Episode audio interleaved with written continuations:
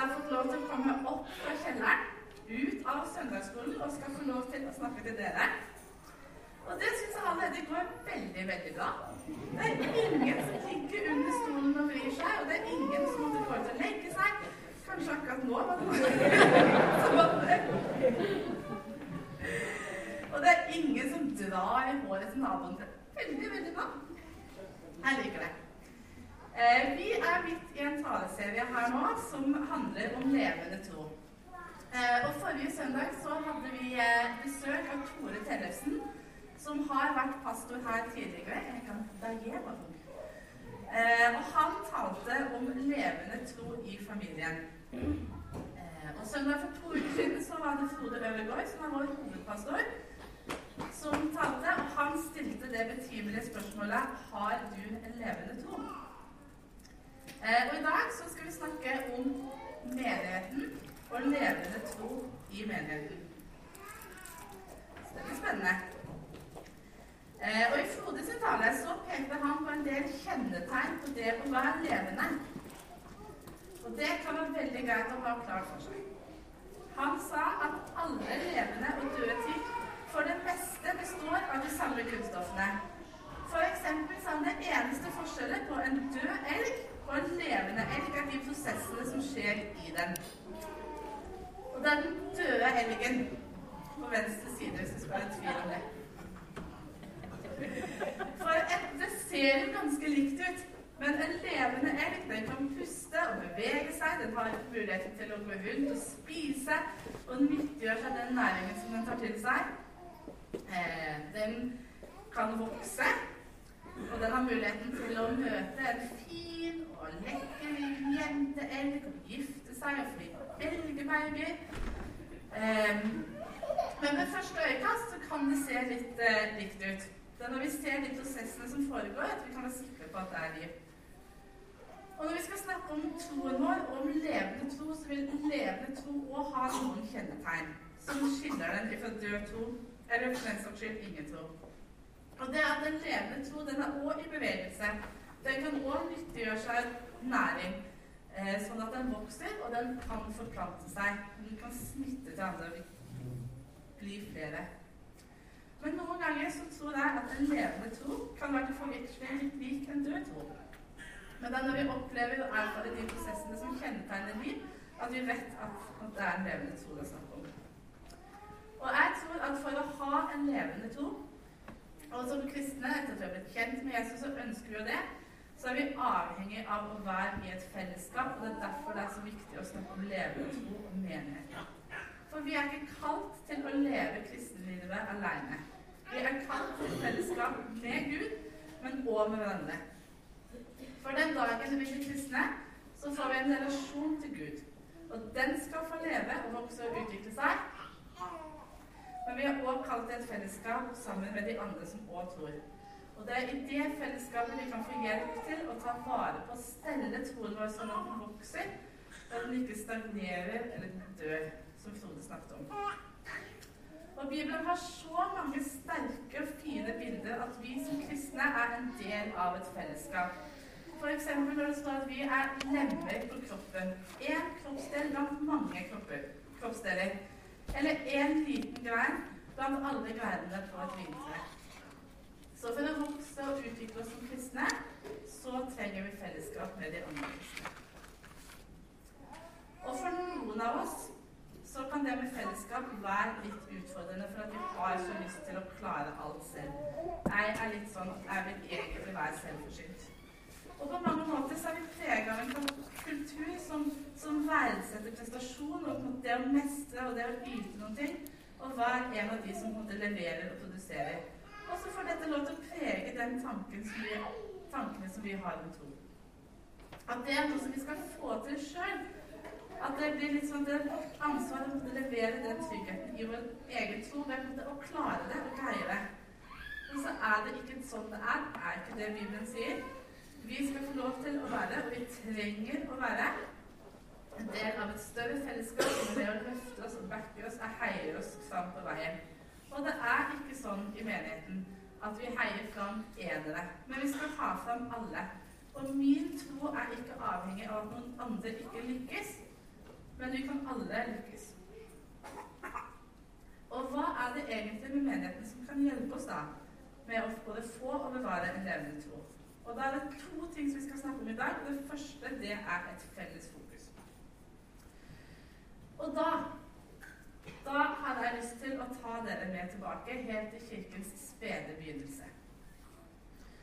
Eller egentlig til og med før det var snakk om noen kirke.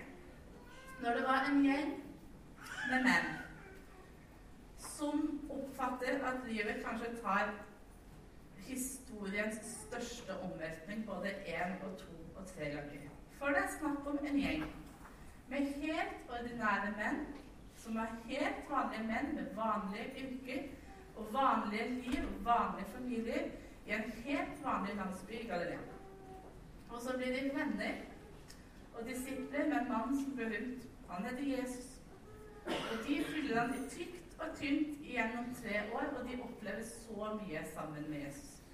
De ser at Jesus helbreder syke, de ser at Jesus kan vekke døde fra graven, de ser, hører når Jesus underviser, de ser at Jesus eh, står midt imot eh, det som er den rådende religiøse eh, klimaet. Eh, og de opplever fellesskap med den Jesus, og så dør han. Og disiplene blir livredde. Og det har de på en måte all mulig grunn til, fordi de forfulgte en leder som ble henrettet av myndighetene fordi at han skapte uro. Så de gjemmer seg. Og de er redde. For de har satsa alt på det ene kortet, og så holder det ikke mål. Så sitter de noen dager uten retning og uten håp, og så snur livet om helt en gang til. For så skjer det som virkelig ingen kunne tro, at Jesus står opp igjen. Og de disiplene får et møte med Jesus som har stått opp ifra de døde. Og i løpet av kort tid så er de disiplene som sitter og gjemmer seg og er så redde og frykter for sitt eget liv og de vet ikke hva de skal gjøre, eh, blitt forvandla til en gjeng med verdensevangelister som brer historien om Jesus ut i hele den verden som de kjente, og enda lenger. Og det er jo sånn at Vi er jo et resultat av det de fikk lov til å være med på. Og det er sånn at av disse elleve mennene, så er det bare én av dem som lever til han blir gammel. For alle de andre dør som martyrer på grunn av sin tro. Så de har hatt en opplevelse som har vært så sterk eh, og så voldsom at de bare har valgt å gå fra å sitte livredd og gjemme seg eh, til at det var ingenting annet som betydde noen ting. Og hva var det som gjorde det? det Selvfølgelig fordi at de har fått en møte med en korsfestet og oppstanden Jesus. Og for å ta dette tilbake til oss og til vår menighet og til våre liv, så tror jeg det handler om hva slags fokus vi velger å ha. For det finnes så utrolig veldig mange viktige og riktige ting som vi har lyst til å bruke tid på eh, i vårt eget liv og som menighet. Og vi har lyst til å ha et vellykka liv. Og vi skal gjøre det på jobben. Vi har lyst på en god familie som har koselige familiemiddager med taco på lørdagskvelden. Og som går til Dalsnytten på søndag etter gudstjenesten, og som er kjempeflinke til å, å lese i Bibelen, og som ber masse, og som gir penger til de fattige, og som dele litt mat til de som trenger det. Og det er så mye som vi har lyst til å få til, eh, og som er bra. For alle disse tingene er jo, er jo bra. Eh, og som menighet så kan vi jo både få fokus på så utrolig mange planer, strategier og metoder. Og så mange gode ideer og så mange gode innfall til på en måte hva vi skal gjøre. Eh, og som har en god motivasjon i bunnen. Og så tror jeg at noen ganger litt på, vei, veien så kan vi miste Jesus litt av syne. For det er ikke rom igjen for det som egentlig er det viktigste for oss. Så jeg er sikker på at for de av oss som er kristne, hvis vi blir spurt og virkelig tenker etter, så er det Jesus som er det viktigste for oss. Men det er ikke alltid at det ser sånn ut i det livet som vi lever i. Eh, og jeg tror ikke at utfordringen når man skal prioritere, handler om å velge mellom det som er bra, og det som er skikkelig dårlig for oss. For det er jo lett.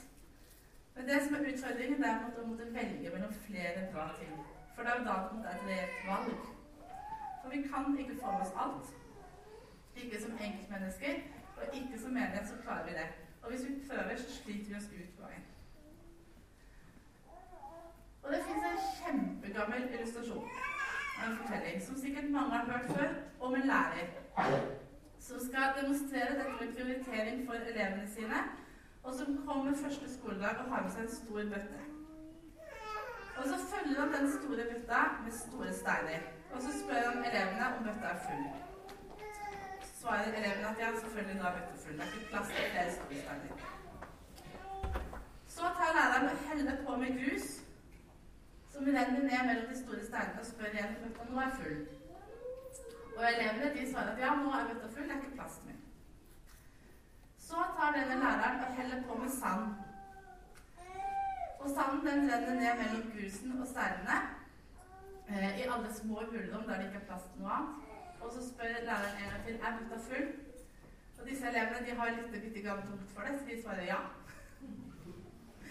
Men så tar den læreren og så heller han på med vann, eh, som kan renne ned mellom både sanden, steinene og grusen og fylle bøtta helt. Og da er bøtta full. Og Poenget med den fortellingen her er at man begynner med de største tingene. ikke sant? Hvis du begynner å fylle bøtta di med vann, så er det ikke plass til de store steinene, for da renner vannet ut. Men hvis du begynner å få plass det som er viktigst, de største tingene, så er det ofte plass til detaljene og de mindre viktige tingene etter hvert. Så når vi skal velge og når vi skal prioritere, så må vi begynne med det som er størst og viktigst for oss. Og ikke fordi at det andre ikke er viktig, og for at det andre ikke er bra, men for å sørge for at vi får plass til det som er viktigst. Da skal jeg lese fra Paulus som skriver til menigheten i Korint. En tekst. Dette er veldig bra.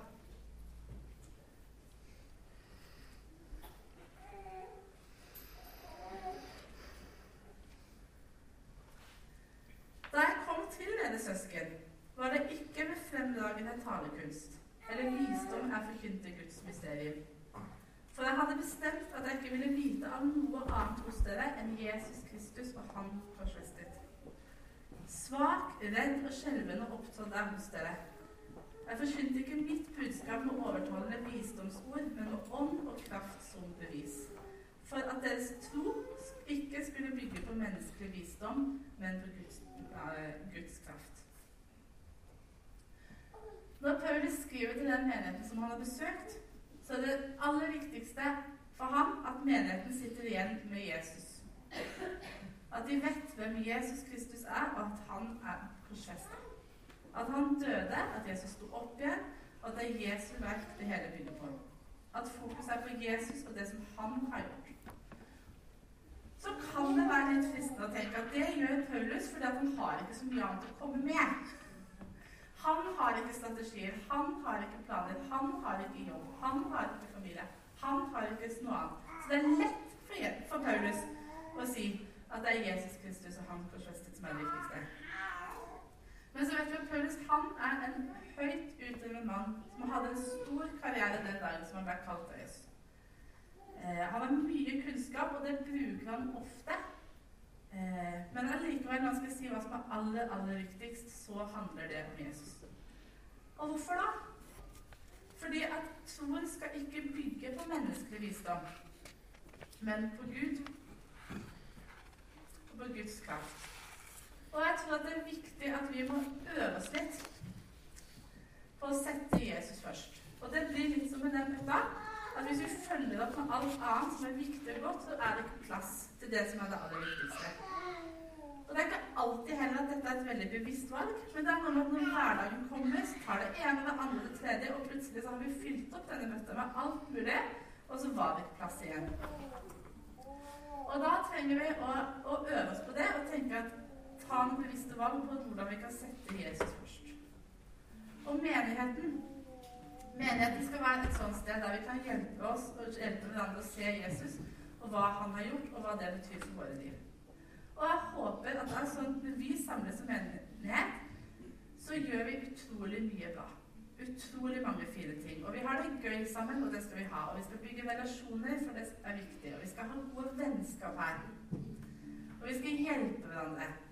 Og vi skal ha formiddagstreff for de eldre. Og vi skal ha barnekor, og vi skal ha søndagsskole, og vi skal ha grupper for de som barn, vi skal ha grupper for ungdommer, og vi skal ha grupper for de som er mellom barn og ungdom. Og alt det som vi gjør, er veldig, veldig bra. Men det skal òg være en forskjell. For vi samles av en, for en grunn. Vi skal være en forskjell på oss når vi samles, og en hvilken som helst annen klubb eller gruppe. For at vi kan samles pga. hvem Jesus er, og hva han har gjort, og ikke pga. hva vi kommer og hva vi klarer. Så la oss øve oss litt på det, dere. Og la Jesus være i fokus når vi samles som menighet. Enten det er her på gudstjeneste, når vi er i grupper, eller når vi bare møter hverandre helt ustrukturert og mer eller mindre tilfeldig. Og holde Jesus opp, sette av tid til han som er viktigst. Og invitere han inn i det fellesskapet som vi har og la ham få spillerom til å gjøre det som han ønsker. Og Hvis dere husker noen uker tilbake, så hadde vi en taleserie i høst som handla om hva menigheten er kalt til å være, og hva menigheten er kalt til å gjøre. Og Da snakket vi en del om alt menigheten er kalt til å gjøre, men òg at grunnlaget for det er hva menigheten er kalt til å være. Og Kanskje husker dere det bildet som Inger hadde av den stolen. At troen det å ta imot Jesus det kan være som å sette seg på en stol. Og når du har satt deg ned, så er det alt du trenger å gjøre. Ingenting av det du kan gjøre som kan legge til eller ta ifra noe av Guds nåde og hans kjærlighet. Så alt det som kommer etterpå, av det troen vår, av de valgene vi gjør, av det livet som vi lever som kristne, det skal og det må være en respons på grunn av det Jesus har gjort. Og det som på en måte ligger i bunnen. Og det er ikke noe som vi gjør for å fortjene noen. Og det har jeg lyst til å minne oss på nå. For nå skal vi snakke litt om menighetens praksis og det vi skal gjøre. Og det er så utrolig viktig at det er dette som er i bunn. Vi er frelst av nåde. Vi kan ikke gjøre noen ting for å legge noe til, til eller trekke noe fra. Men det er sånn at det kristne livet er en naturlig konsekvens av å leve med Jesus. Og det er en hjelp til å vokse i tro. Og da er det heldigvis sånn for oss at vi trenger ikke å finne opp kruttet i forhold til hva det vil si å ha en levende trospraksis i menigheten. Vi skal lese noen vers fra Apostlenes gjerninger som beskriver hvordan de første kristne gjorde det. Og vi kan egentlig gjøre det på akkurat samme måte. Det står i Apostlenes gjerninger. De holdt seg trofast til apostlenes lære og fellesskapet, til brødsbrytelsen og bønnene. Hver og en ble grepet av ærefrykt, og mange under og tegn ble gjort av apostlene. Alle de troende holdt sammen og hadde alt felles. De solgte eiendommene sine og det de ellers eide, og delte ut til alle etter som enhver enkelt trengte det. Hver dag holdt de trofast sammen på tempelplassen. I hjemmene brøt de brødet og spiste sammen med oppriktig og hjertelig glede. De sang og lovpriste Gud over likt av hele folket. Og hver dag la Herren til nye som lot seg frelse. Og dette vet jeg at dere har hørt før. Og i alle fall dere som er konfirmanter, har vært konfirmanter. Eller kanskje har vært foreldre til en konfirmant en gang. For dette er på en kjerneteksten i hva en kristen menighet driver med. Og kanskje er dere så gamle som meg og kan huske de fire b-ene. Bibel, bønn, brødsbrytelse og brødrefellesskap.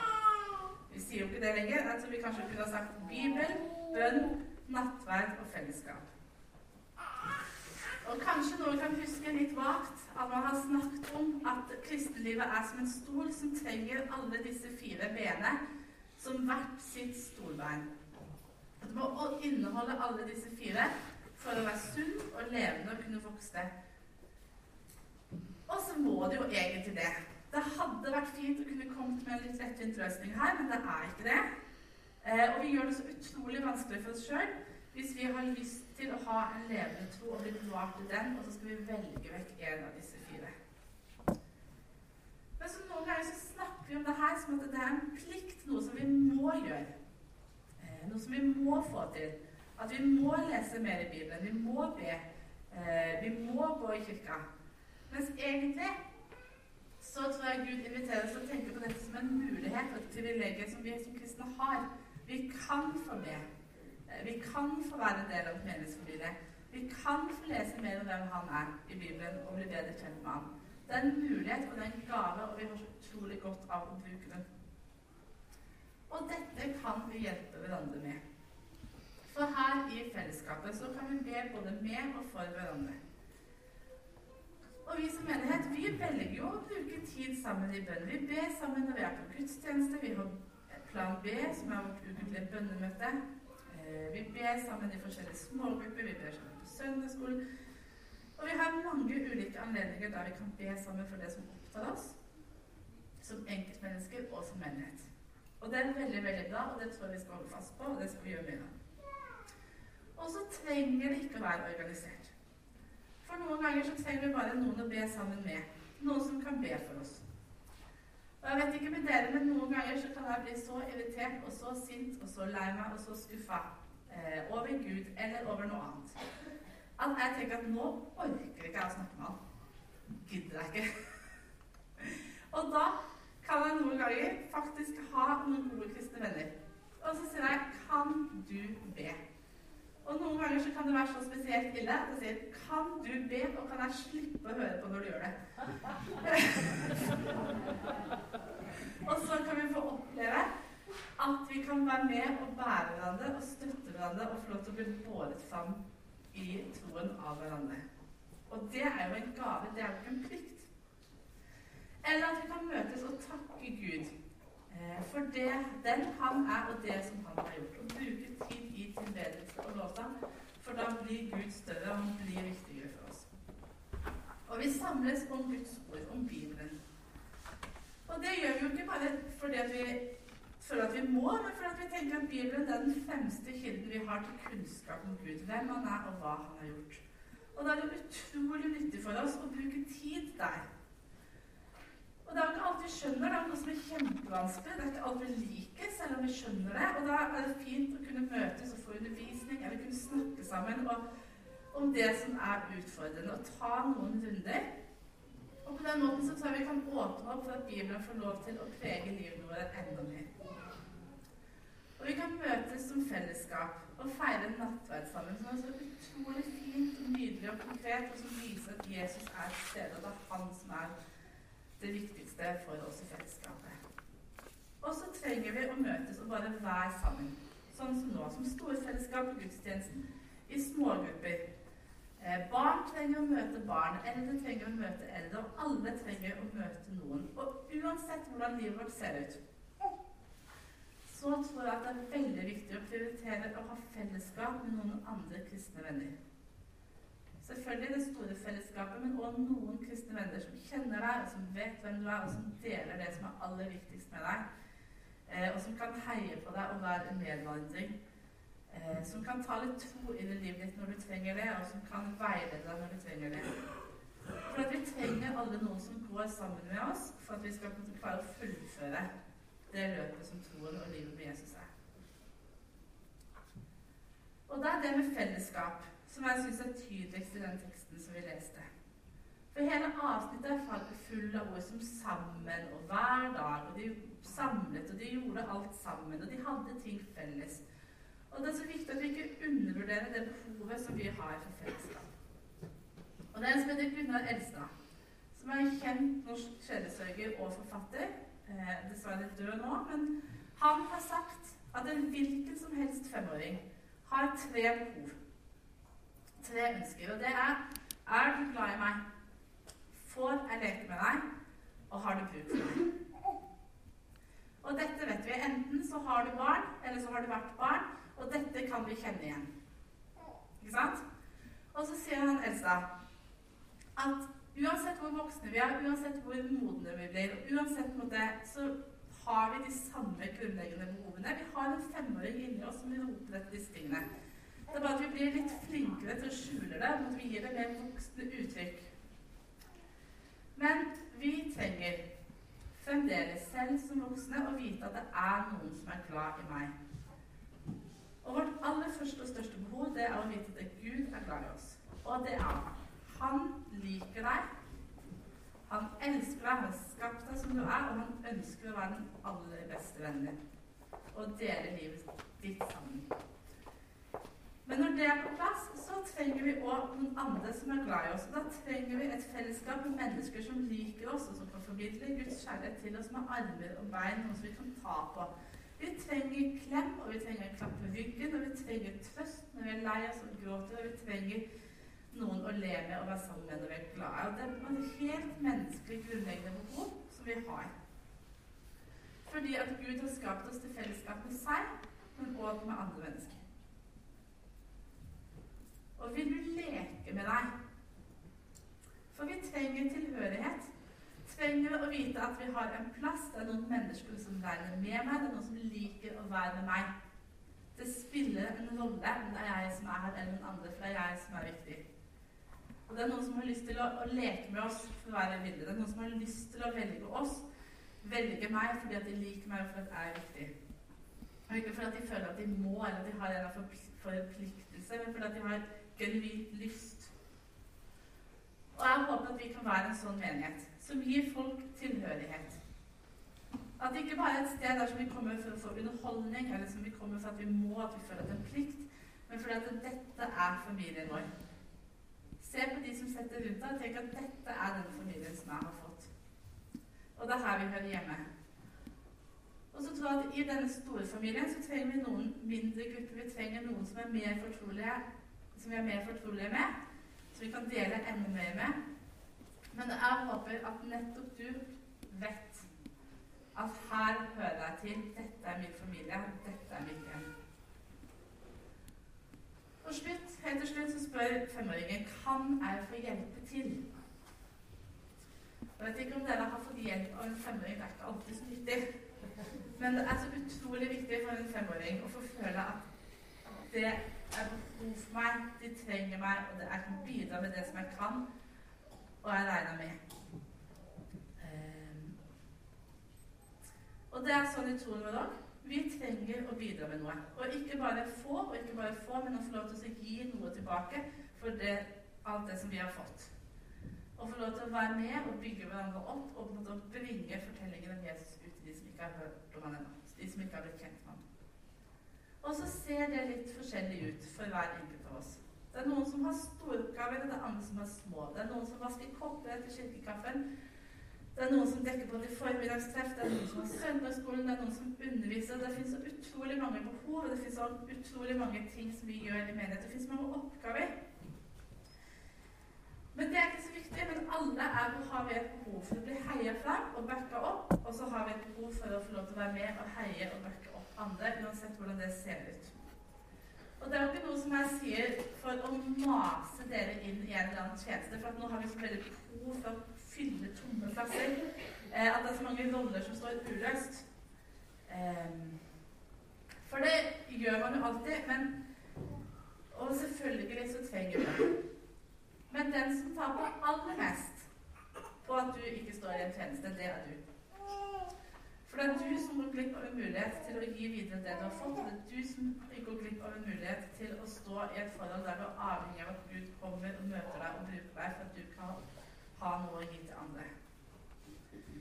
Og Gud har sagt at han er herre for menigheten, så den klarer seg alltid. Men du trenger å ha en tjeneste.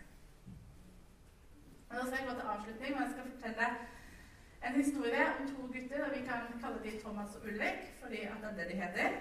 Um, og jeg pleide å sitte barnevakt for Thomas Ulrik når jeg var yngre. Uh, Thomas var eldst, og han er veldig glad i sånn by- og vet dere. Sånn tre, tretogbane som du setter sammen. Uh, og han hadde utrolig mye av den. Og så hadde han like plagsom lillebror som hadde lyst til å være med og leke med den togbanen. Og det passet veldig dårlig for Thomas, for han hadde en, en veldig plan. og Det skulle på en ut på kjøkkenet og gjennom stua i gangen. og Det var ikke rom for en treåring som skulle være med. Så Ulrik, den yngste, han fikk ca. fire sånne eh, sånne treklosser og lagde en liten sving og så en liten bro. Og så tok han alle togene og satte opp en lang, lang rekke med 30 sånne tog etter hverandre. Som skulle kjøre ned brua og gjennom svingen. Og nå skal ikke jeg skryte på meg noen sånn fysisk eh, fysikerkunnskap her, men det går ikke. Hvis du får den farten som 30 sånne vogner får nedover en bro, så klarer den ikke svingen. Den liksom toget sporer av. Og Ulrik han var veldig veldig omsorgsfull, så han løfter alle togene opp, setter det på plass igjen, bygger på det hele, så ser han kanskje det går nå. Så sånn tog av gårde. Toget kjører ned. Brua inn i svingen, og det kanter. Og Ulrik tar alle togvognene, setter opp igjen, kanskje det går nå. Om igjen og om igjen og om igjen. Og så er det sånn, da, eh, med menighet, at det går an å bli lei og sliten og såra. Og det kan skyldes så veldig mange ting. Eh, det kan hende at det var hverdagen og rutinene som kom og fylte opp sånn, med så mye i den bøtta som ikke var plass for det som var viktigst. Eh, eller det kan hende at du kommer her søndag etter søndag, og så føler du deg ikke helt hjemme. Du føler deg ikke helt inkludert. Tenker at det er ikke her jeg hører til. Jeg kommer, men jeg bor ikke her. Og det er noen av oss som har blitt brent og såra, som har hatt mange oppgaver, som har slitt seg ut, eller som har møtt noen som har såra oss. Og så har vi litt den der følelsen av å være rentebarn. Og skyve ilden og tenke at menighet, det er for de som har overskudd og energi, og det orker ikke jeg. Og så er det sånn selvfølgelig i perioder i livet at man skal sette seg ned og slappe av. Og være den som sitter i stolen, og den som tar imot uten å tenke at man skal gi noe tilbake. Og det er det full frihet til å gjøre. Men så vil jeg bare utfordre på at det er ikke alltid at det er best å bli sittende der så altfor lenge. For noen ganger så må du vurdere om det kanskje nå kan være nok. At man har vært sliten og lei og såra og skuffa lenge nok, og at nå er det på tide å reise seg og prøve en gang til. Og da har jeg lyst til å si at Gud som er menighetens herre. Han er kongegod på nye starter. Han er akkurat som Ulrik, Ulrik som tar og stabler hele dette toget opp igjen og prøver på ny og på ny og på ny. Og noen ganger så kan vi få lov til å være med på det og si at ja, jeg var sliten, jeg var trøtt, eh, men nå reiser jeg meg Sett en strek i stand, selv og prøve på ny. Og både våge å ta det aller, aller første steget tilbake inn i fellesskapet. Fordi at vi trenger hverandre, og vi trenger å være her. Og så er Gud den som er trofast. Så når vi ønsker, og når vi inviterer ham, så kommer han, og han leverer. Skal vi be.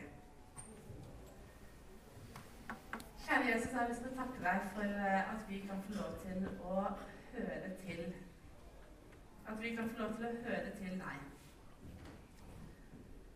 At du vet hvem vi er. At du har eh, valgt oss ut og kalt oss med navn, og du har kjent oss fra før, eh, før vi ble til. Og jeg sier takk for at du vet akkurat hva som er best for oss, og du ønsker det beste for oss. Og jeg ber om at du skal hjelpe oss til å til å være i fellesskap og ta del i det som gjør at vi kan få lov til å ha en levende tro. Til å vokse sammen med. Så ber jeg at du skal, skal, vise oss om vi trenger å sette oss ned og ta imot mer av din nåde og mer av din kjærlighet. Eller om det er på tide at vi skal reise oss opp. Kanskje er det sånn at vi må, må rydde litt i livet vårt. At vi gjør for mye ting, og at vi har for mange tanker og ideer, og at vi trenger at du gir oss struktur. og da ber vi at du skal vise oss det. Eller kanskje så er det sånn at, eh, at vi føler ikke helt at vi hører til. At vi har kanskje lyst, og vi prøver, og, men vi får det ikke helt til. Da ber jeg om at du skal, skal hjelpe oss som fellesskap om å ta imot og se de som trenger at, at vi gjør det litt ekstra. Du hjelper oss å være et inkluderende fellesskap der det er plass for alle. Og at det er plass til å møtes akkurat sånn som vi er, at vi kan bli kjent med deg. Og hjelpe oss å ha fokus på deg, og ikke på, på detaljer som kan, kan splitte oss, men, eh, men, på hvem du er og det du gjort. Og så takker jeg for at du er en Gud som gir nye sjanser. At hver gang toget sporer av, så, så løfter du opp, og du setter det i gang igjen. Og at du backer oss, og du er den som heier på oss eh, hver eneste dag gjennom hele livet